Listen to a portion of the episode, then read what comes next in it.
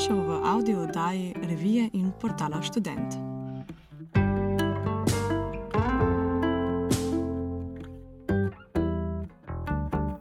V prejšnjem podkastu sva s Katijo govorili o duševnem zdravju in tej temi posvečava tudi današnjega. Prejšnjič sva se pogovarjali o razumevanju pojma duševno zdravje, o stigmah, ki so še vedno pogosto prisotne v družbi, pobrskali sva za nekaj številkami in ugotovili, da smo mladi še posebej randljiva družbena skupina. Tokratno oddajo začenjava, kjer smo na zadnje ostali, pri čustvih. Katja je ob koncu prejšnjega podcasta povedala, da sreče pač ne moremo čutiti, če ne poznamo tudi nesreče. Neki da, da moraš vedno biti srečen, vedno se ti mora ful dogajati. V bistvu je vse sreča, lahko obstaja samo, če zraven obstaja tudi nesreča. Moraš biti kar cel cajt skozi srečen. In ja, kot si rekla, pač sreča ne more ostajati brez nesreče, ker pač dejansko, če si ti včasih srečen, ampak res je včasih, pol obstaja možnost, da imaš duševno motnjo v obliki, um, kako se že reče, uh, manija. Ta, ki ja. si skozi na, na hajpa in pa vse ti je kul, cool, pa skozi tako, kot en deliri skoraj. V nadaljevanju oddaje podrobneje predstavljava dve najpogostejši duševni motnji v Sloveniji, to sta depresija in pa anksioznost. Pogovarjava se še o načinih zdravljenja in prvih korakih pri iskanju pomoči. Ob koncu puščava še nekaj nasvetov in spodbudnih misli za lažje soočanje s trenutnimi korona izzivi. In pa prej si omenjala slike, uh, pač, ki jih gledamo. Pa sem se spomnila, da mm, okay, na eni strani imaš oh, srečno življenje na, na Instagramu, na Facebooku, kaj se vem kje. Pa pa, ker recimo pogublaš kaj o duševnih motnjah, boleznih, žalosti, depresiji, karkoli pa dobiš tiste, ne vem, na nek način shutterstock slike, nekih lepih punc na slikah, ki te, ki te, ki te prazno gledajo in, in imajo, prav tako, da jim je nekdo držal usne kotičke na vzdolj in so žalostne in so depresivne in si tako. Ok, a pač sam to obstaja, ne pač koliko je tudi kle neke stigme oziroma te interpretacije, kaj zdaj pomeni biti ne ok, ne, v smislu nekega duševnega stanja. Um, tako da, ja. Ljudje si depresijo predstavljajo kot joj, si skozi samo žalosten, pa jokaš. Ne, je v bistvu tukaj tudi jeza, kar pol ljudi ne ve. Da v bistvu en izmed znakov depresije je tudi pač jeza, ne? in je tudi, ne vem, tudi malo živčnosti, tudi to, da ne imaš ful ješ ali noč ne ješ, ne pa samo to, da žalostno gledaš skozi okno in pomoči, ja. da si imaš tako že perfect make-up, ne, klih to bo. No. Ja, in da pač rečeš, ah, vse sem guca, malo sem v depri, pač, ker je zdaj tako čist ok reči, malo sem v depri. Pač, ja, sej štekam, da so to zdaj neki izrazi, ki pač pomenijo, malo sem žalosten ali malo se ne počutim ok, ampak kot si ti rekla, ne, pač depresija je definitivno um, doživljene na mnogo, mnogo, mnogo nivojih, no? ne samo na počutju, ne samo na razpoloženju, ne samo o razmišljanju, čustvovanju, na način, kako govoriš, ampak tako pač celostna, telesna in, in duševna, duševna izkušnja. No? Um, tako da mogoče, mogoče bi bilo smiselno na tem mestu malo več povedati o teh dveh uh, duševnih motnjah, ki so najbolj pogoste tudi v Sloveniji o depresiji in pa anksioznosti. Um, Katja, bi ti kaj mhm. povedala o tem? Okay. Um, ja, zelo pogosto, v bistvu to, kar ljudje ne vejo, je, da v večini primerov, če imaš ti eno, se pravi, da imaš depresijo, je zelo pogosto, da si tudi anksiozen, ker sta v bistvu ti dve bolezni med sabo zelo, zelo prepleteni. Ja, zakaj ste najbolj pač pogosti?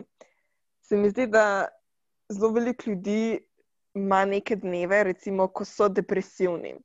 Ampak pogosto rečejo samo, da okay, sem depresiven, ampak je to čisto drugo, drugo kot pa dejansko depresija.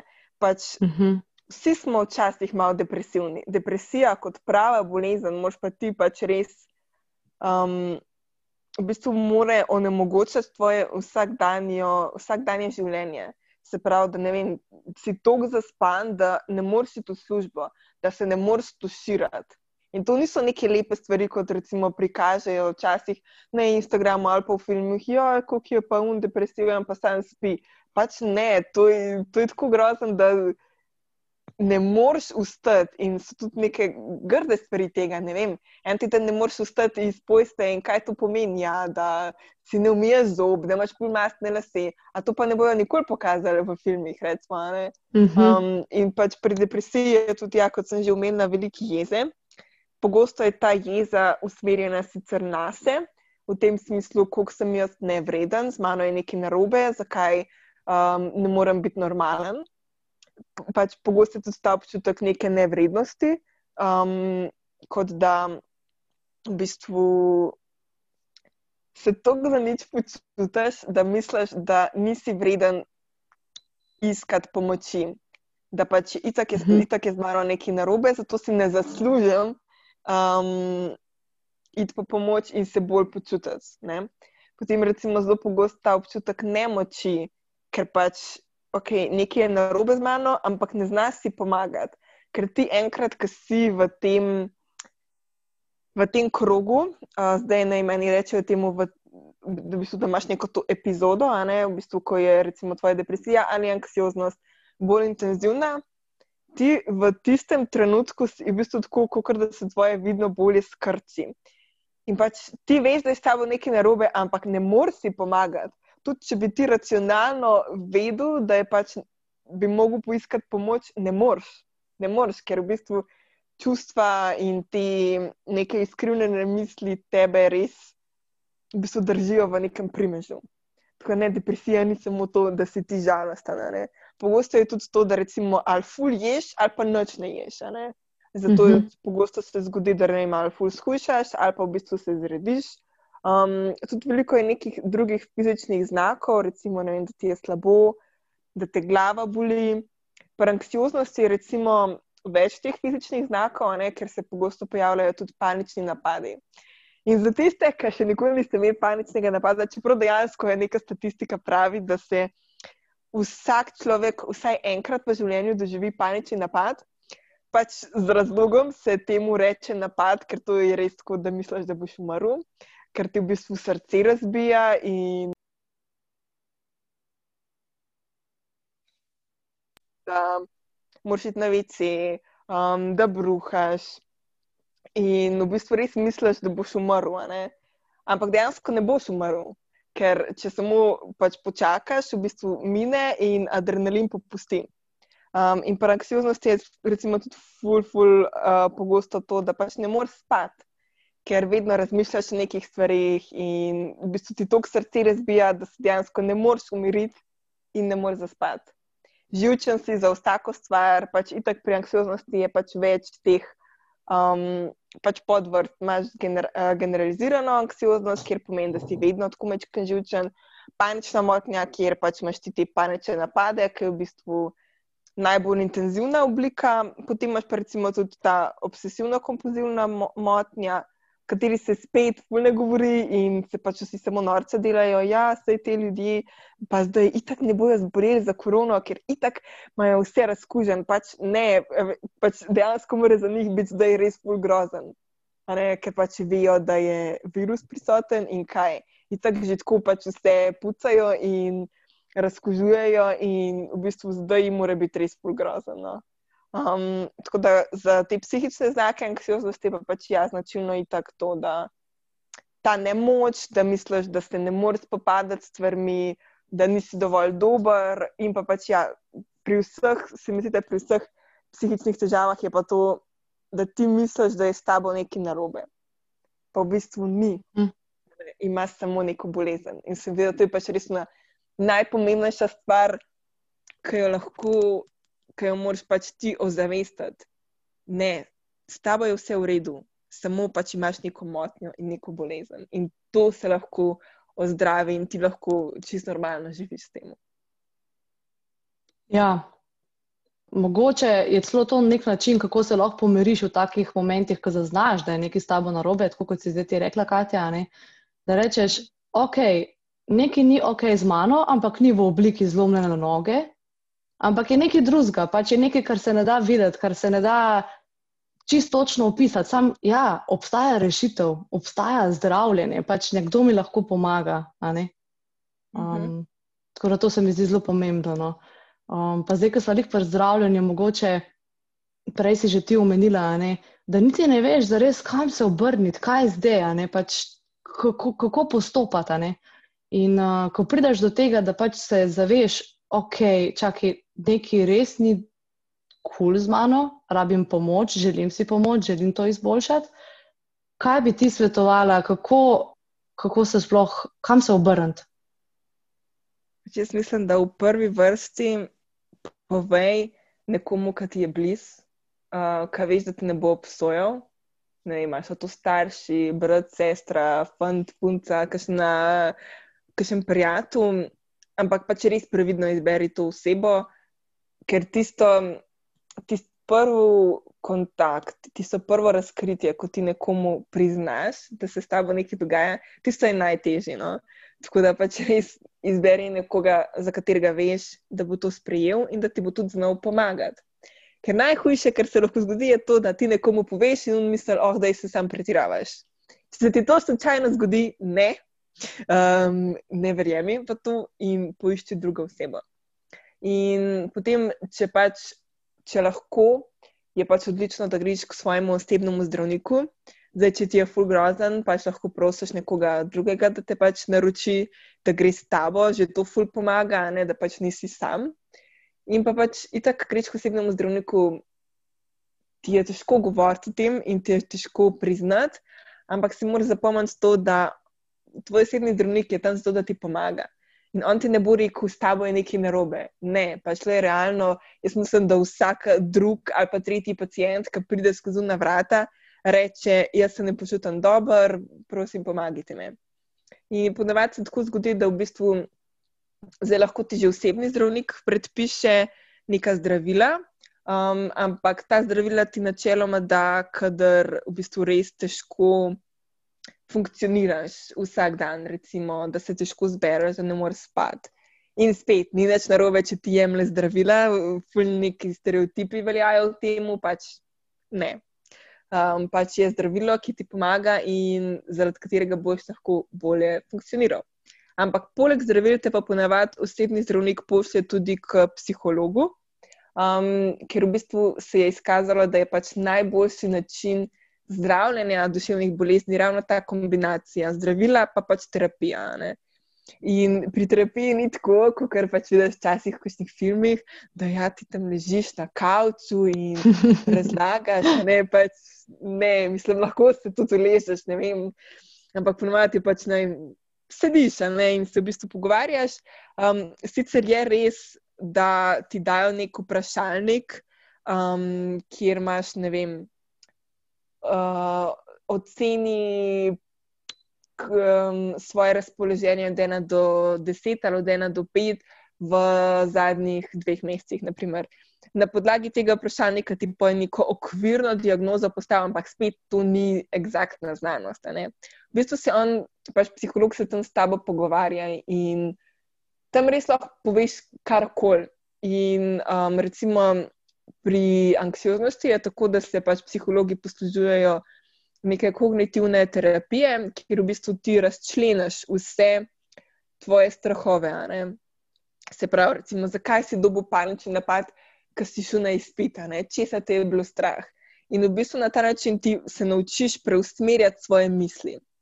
Um, in v bistvu se znaš spopadati z, z tem. In je v bistvu ful dobro in ful zanimivo, ker spoznavaš samega sebe in dojameš, zakaj razmišljaš tako, kot razmišljaš. In hkrati tudi ugotoviš, da v bistvu ni s tabo nič narobe. In da so pač tvoje misli izkrivljene, ampak da pač lahko se naučiš um, pač s tem živeti. In da v bistvu ni, da ne velja, da je s tabo nekaj narobe, ampak da pač enostavno tvoje misli delujejo na drugačen način. In najboljša pač tehnika, v bistvu najboljša zdravljenje je ravno res ta kombinacija, se pravi zdravila in pa mhm. um, neka terapija. Je pa tako, da pač ponovadi traja ne, nekaj časa. Ne moreš kar pričakovati po prvem tednu, pa po prvem mesecu, da bo zdaj kar vse ok. Pač ne, ne. ne bo. To traja, ne vem, kakšen let, dve let vsaj. Um, ampak ja, valjda je fulažja, ker že to, da ti priznaš, da nisi ok, se ti kar odvali nek kamen iz srca. No? Um, in tudi neč ti narobe, da pač prosi za pomoč. V bistvu ena žalostna statistika pravi, da v povprečju ljudje čakajo deset let, preden priznajo, da je z njimi nekaj narobe, kar je pač tako uh. grozno. Pač deset let je res, to je tako dolgo obdobje. Tako da, če poslušaš to, ne čakaj deset let in prosi za pomoč. Um, pa pač so neke stvari, ki jih lahko sam doma narediš. Recimo fizična telovadba, to ti bojo vsi rekli, in jaz se ful težko na začetku, ampak se dosti že to, da greš taj malo ven, pa na en kratek sprehod. In da v bistvu da paziš na sebe, da dosti spiš, da, um, vem, da se izogibaš ljudem, za katere veš, da ti samo pijejo energijo in te bojo spravljali v slabo voljo. Tako da delaš stvari, ko se ti všeč. V bistvu, ko začneš zdravljenjem, si moraš zapomniti to, da v tem trenutku. Ti moraš biti in si lahko sebičen, ker moraš tebe postaviti na prvo mesto in pač moraš tebi pomagati. Ja, to se mi zdi, da je res osnova vsega. Um, da si moraš dovoliti, da pač, ok, zdaj je pa čas za me, zdaj bom pa jaz pri sebi razčistil stvari in bom nekomu, ki pač mu lahko in ki to vlada, zaupal vse in pač poskušal zgraditi sebe ponovno ali pa malce sestaviti nazaj ne, na ta način. Um, No, in kot si že prej omenila, ne te načini, zdaj, kako se lotiš tega zdravljenja, um, je definitivno najboljše, da pač to zaupaš strokovnjakom. V prvi meri bo to, seveda, to je osebni zdravnik, ki se bo že on na podlagi tega, kar mu zaupaš, in recimo nekih kratkih uh, vprašalnikov odločil, ali rabiš zdravila že takoj, pa potem neko komplementarno zdravljenje. Um, ampak je pa problem v Sloveniji predvsem dostopnost, torej eh, čakalne dobe. Kdaj lahko ti dejansko prideš recimo na, neke, na neko dlje časa trajajočo terapijo, individualno recimo z psihoterapeutom ali pa z psihologom. Zdaj tukaj je fulen kup nekih izrazov, kdo je kaj, pa kdo kaj ni. Um, jaz sem mečkam brskala, kaj je zdaj pravi naziv, pa kaj ni, ampak dejansko je full možnih um, um, nazivov, glede na pač izobrazbo in načine pridobivanja izobrazbe. Ampak um, kar bi mogoče še posebej podarila, je to, da skušaš najprej iskati pomoč pri tistih, ki imajo primerno izobrazbo, um, ki delujejo pač znotraj recimo nekega javno-zdravstvenega sistema. Ne?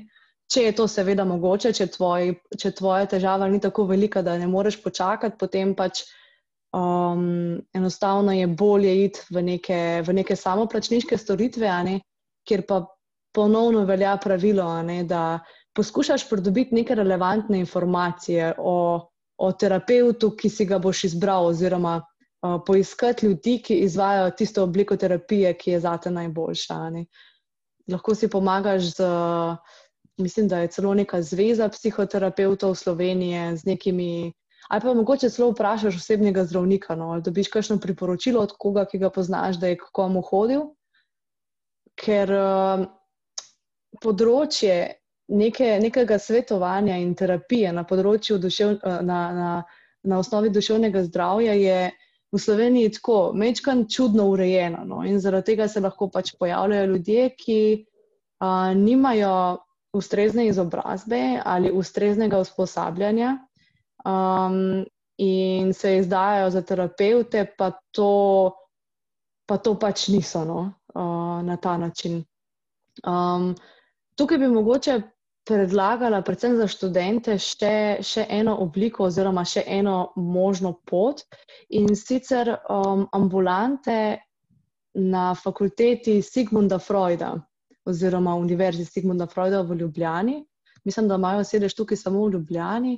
Um, namreč oni ponujajo možnost brezplačnega ali pa pač nekega cenejšega, cenejšega svetovanja oziroma terapije, ne, kar je pa za študente izjemno pomembno, ker recimo, če se ne motim, v povprečju neka svetovalna ura oziroma psihoterapevtska ura v Ljubljani stane okrog 50-60 evrov. In če gre za neko, za neko tako duševno stanje, ki od tebe zahteva delo na tedenski ravni, to pomeni recimo ena seansa na teden, si lahko zelo hiter na preko 200 evrov stroška na mesec. Ne? To je pa za študenta, sploh pa v teh časih, ogromno. Um, tako da, ja, ena izmed super možnosti je torej na CFU-ju v Ljubljani. Katja, ti si prej že mečkam začela z nekimi uh, dobrimi nasveti, kako v bistvu si pomagati sam. In jaz mislim, da so ti nasveti še posebej uporabni v teh časih zdaj, ker pač ta lockdown in študij nadaljavo in ta, te čudne oblike in, in količine stresa, ki ga recimo zdaj študentje doživljajo, doživljamo, um, so, res, so res naporne. No? Um, in zanimivo mi je bilo, včeraj smo se s Katjo pogovarjali, pa mi je povedala, da um, kako si že rekla s tistim delovnim časom. Da je v bistvu ob začetku pandemije smo vsi um, dobili še eno uh, delo za polovični delovni čas, ki se mu reče COVID, ker v bistvu to spremljanje pač te epidemije, pa tudi če vsak dan ne gledaš novic, ti v bistvu povzroči toliko stresa in od tebe terja toliko umske energije, kot da bi zraven delal še za 4 ure, še nekje. Ne? Točno, ja, da pač res noro. Pač ja. In tako vidiš tudi pač na Instagramu vse te reke, ja, zdaj si doma, zdaj lahko ful delaš. Ne, vem, da marca, ko pač smo bili v tej prvi karanteni, so si govorili, je super, zdaj imate pa čas, da končate diplomske, magistrske, da ne vem, se naučiš nekega novega jezika, da ne vem, kaj narediš. Pač ne, ne, spet je to tukaj tudi to, da naša družba tako visoko ceni produktivnost. In če ti nisi cel cajt bolj visoko produktiven, ojoj, je itak si lena, ne? pa v bistvu to sploh ni res. Pač zelo smo v res napornem obdobju za vse. Še posebej pa to pač teži za študente, ne? ker kaj itak zdaj večinoma pač nimamo služb, ker so pač vse trgovine, vse, pač vsa podjetja, kjer ponavadi delamo, so zaprta.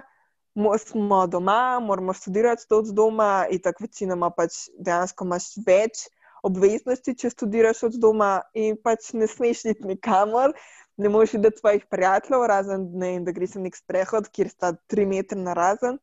In je pač res težko. In valjda je pač ne moreš zraven še vsega tega, še ne vem, izumati nekaj novega in se naučiti ne vem kaj. Ne. V bistvu moraš tudi vzeti čas zase. Um, in se mi zdi, da je tudi pač dobro podarjati, da pač v tem času je naša glavna naloga samo to, da preživimo in da smo zdravi. Um, pač ni treba iz te karantene um, ven priti kot zmagovalec, kar koli že to pomeni. Ne, pač ne rabiš narediti ne vem kaj. Ne, tvoja glavna naloga je samo to, da preživiš in pa da poskrbiš zase. In zato je ful dobro, da pač, kot smo že pač v prejšnjem podkastu nekaj. Na svete dali uh, za rutino, ne, v bistvu, kaj lahko narediš za sebe, pa ja, ok, v osnovi je itak spanec, pač moš poskrbeti, da imaš tistih 8 ali 9 ur spanca, kot pač rabaš, da je dobro, da pač greš res vsak dan, če se le da, da greš malo na svet zrak. Pa tudi, če greš, ne vem, tam gor pa dol po ulici, če živiš v nekem mestu, ne, pa da imaš neko rutino, da v bistvu, če se le da, ne, da pač imaš prav neko uro. Recimo, tokrat pa zato, ker imam predavanje in potem se učim ali pišem seminarske ali karkoli. Je pa tudi pomembno to, da v bistvu vzameš nek odmor, ne? da za vikend, da si res odpočiješ, da delaš stvari, ki so ti v veselje, ne? ker v bistvu moš poskrbeti zase. Um, in ti ne bo več pomagati, če ti vcaj samo nekaj delaš, in potem si ti tako pregorel, in kaj en mesec traja, preden se spet k sebi spraviš. In da izkoristiš, vsaj v tem času so družbena mreža dobra, vsaj glede tega, no, da se pač lahko slišiš s prijatelji, da saj nisi tako savljena. To pa je res neka pozitivna stvar, vse tehnologije, ki jo imamo danes na voljo. Ja, res je. Super. Jaz bi mogoče samo dodala še en na svet, ki mi je tak. Mislim, sej na, na hitro se sliši, da okay, je kar nekaj, ampak tako, ko pomisliš. Recimo, jaz se sebe spomnim v študentskih časih, takrat, ko je bilo ful preveč predavanj, pa ne vem, pa dve službi so imeli študentski, pa ne vem, kje posod sem bila. Sem bila tako, oh, ko bi lahko zelo sam se ulegla v poslo z unimi debelimi volnenimi štumfi. In pač sam bila in imela neko vročo čokolado v roki ali nekaj, pač, evo, lej, zdaj je priložnost. Pač, naredi iz tega kar je zdaj tvoj realni svet, torej nažalost pač zum in posla in vece in hladilnik in pač štiri stene tvojega doma, naredi en tak cozy place. Ne vem, če, če je kdaj priložnost, da si na petek zvečer z vročo čokolado ali pa s kuhanim vinom, karkoli v posli in, in, in, ti, in ti ni, ne. Ni, ni, ta, ni tega straha, fear of missing out, ne, študijsko življenje in to pač, lej, naredi to sink in naj ti bo čist kul, cool, nagradi se, zato ker si to pač zaslužiš in ker je to zdaj idealna priložnost, da se pocrklaš sam s sabo in vse bo menilo. Vse bo, vse bo menilo. Ja. To si moramo v bistvu ohranjati v glavi, da to bo menil. Sam še upajmo, da pol leta, oziroma maksimalno en let, in potem bo cepivo, in se bojo stvari vrnile v neko normalno. Tukaj, ja. To bo bilo. Recimo, ja. Tako. Ja. To so bile najne sklepne misli, tako da s temi zaključujemo današnji podcast. Lepo se imej in lepo zdrav do prihodnega petka. Lajkaj, šeraj, komentiraj. In nam povej, kaj bi rad slišal v prihodnjih audio oddajah. Ideje lahko najdeš v reviji Student in na spletnem portalu www.student.com.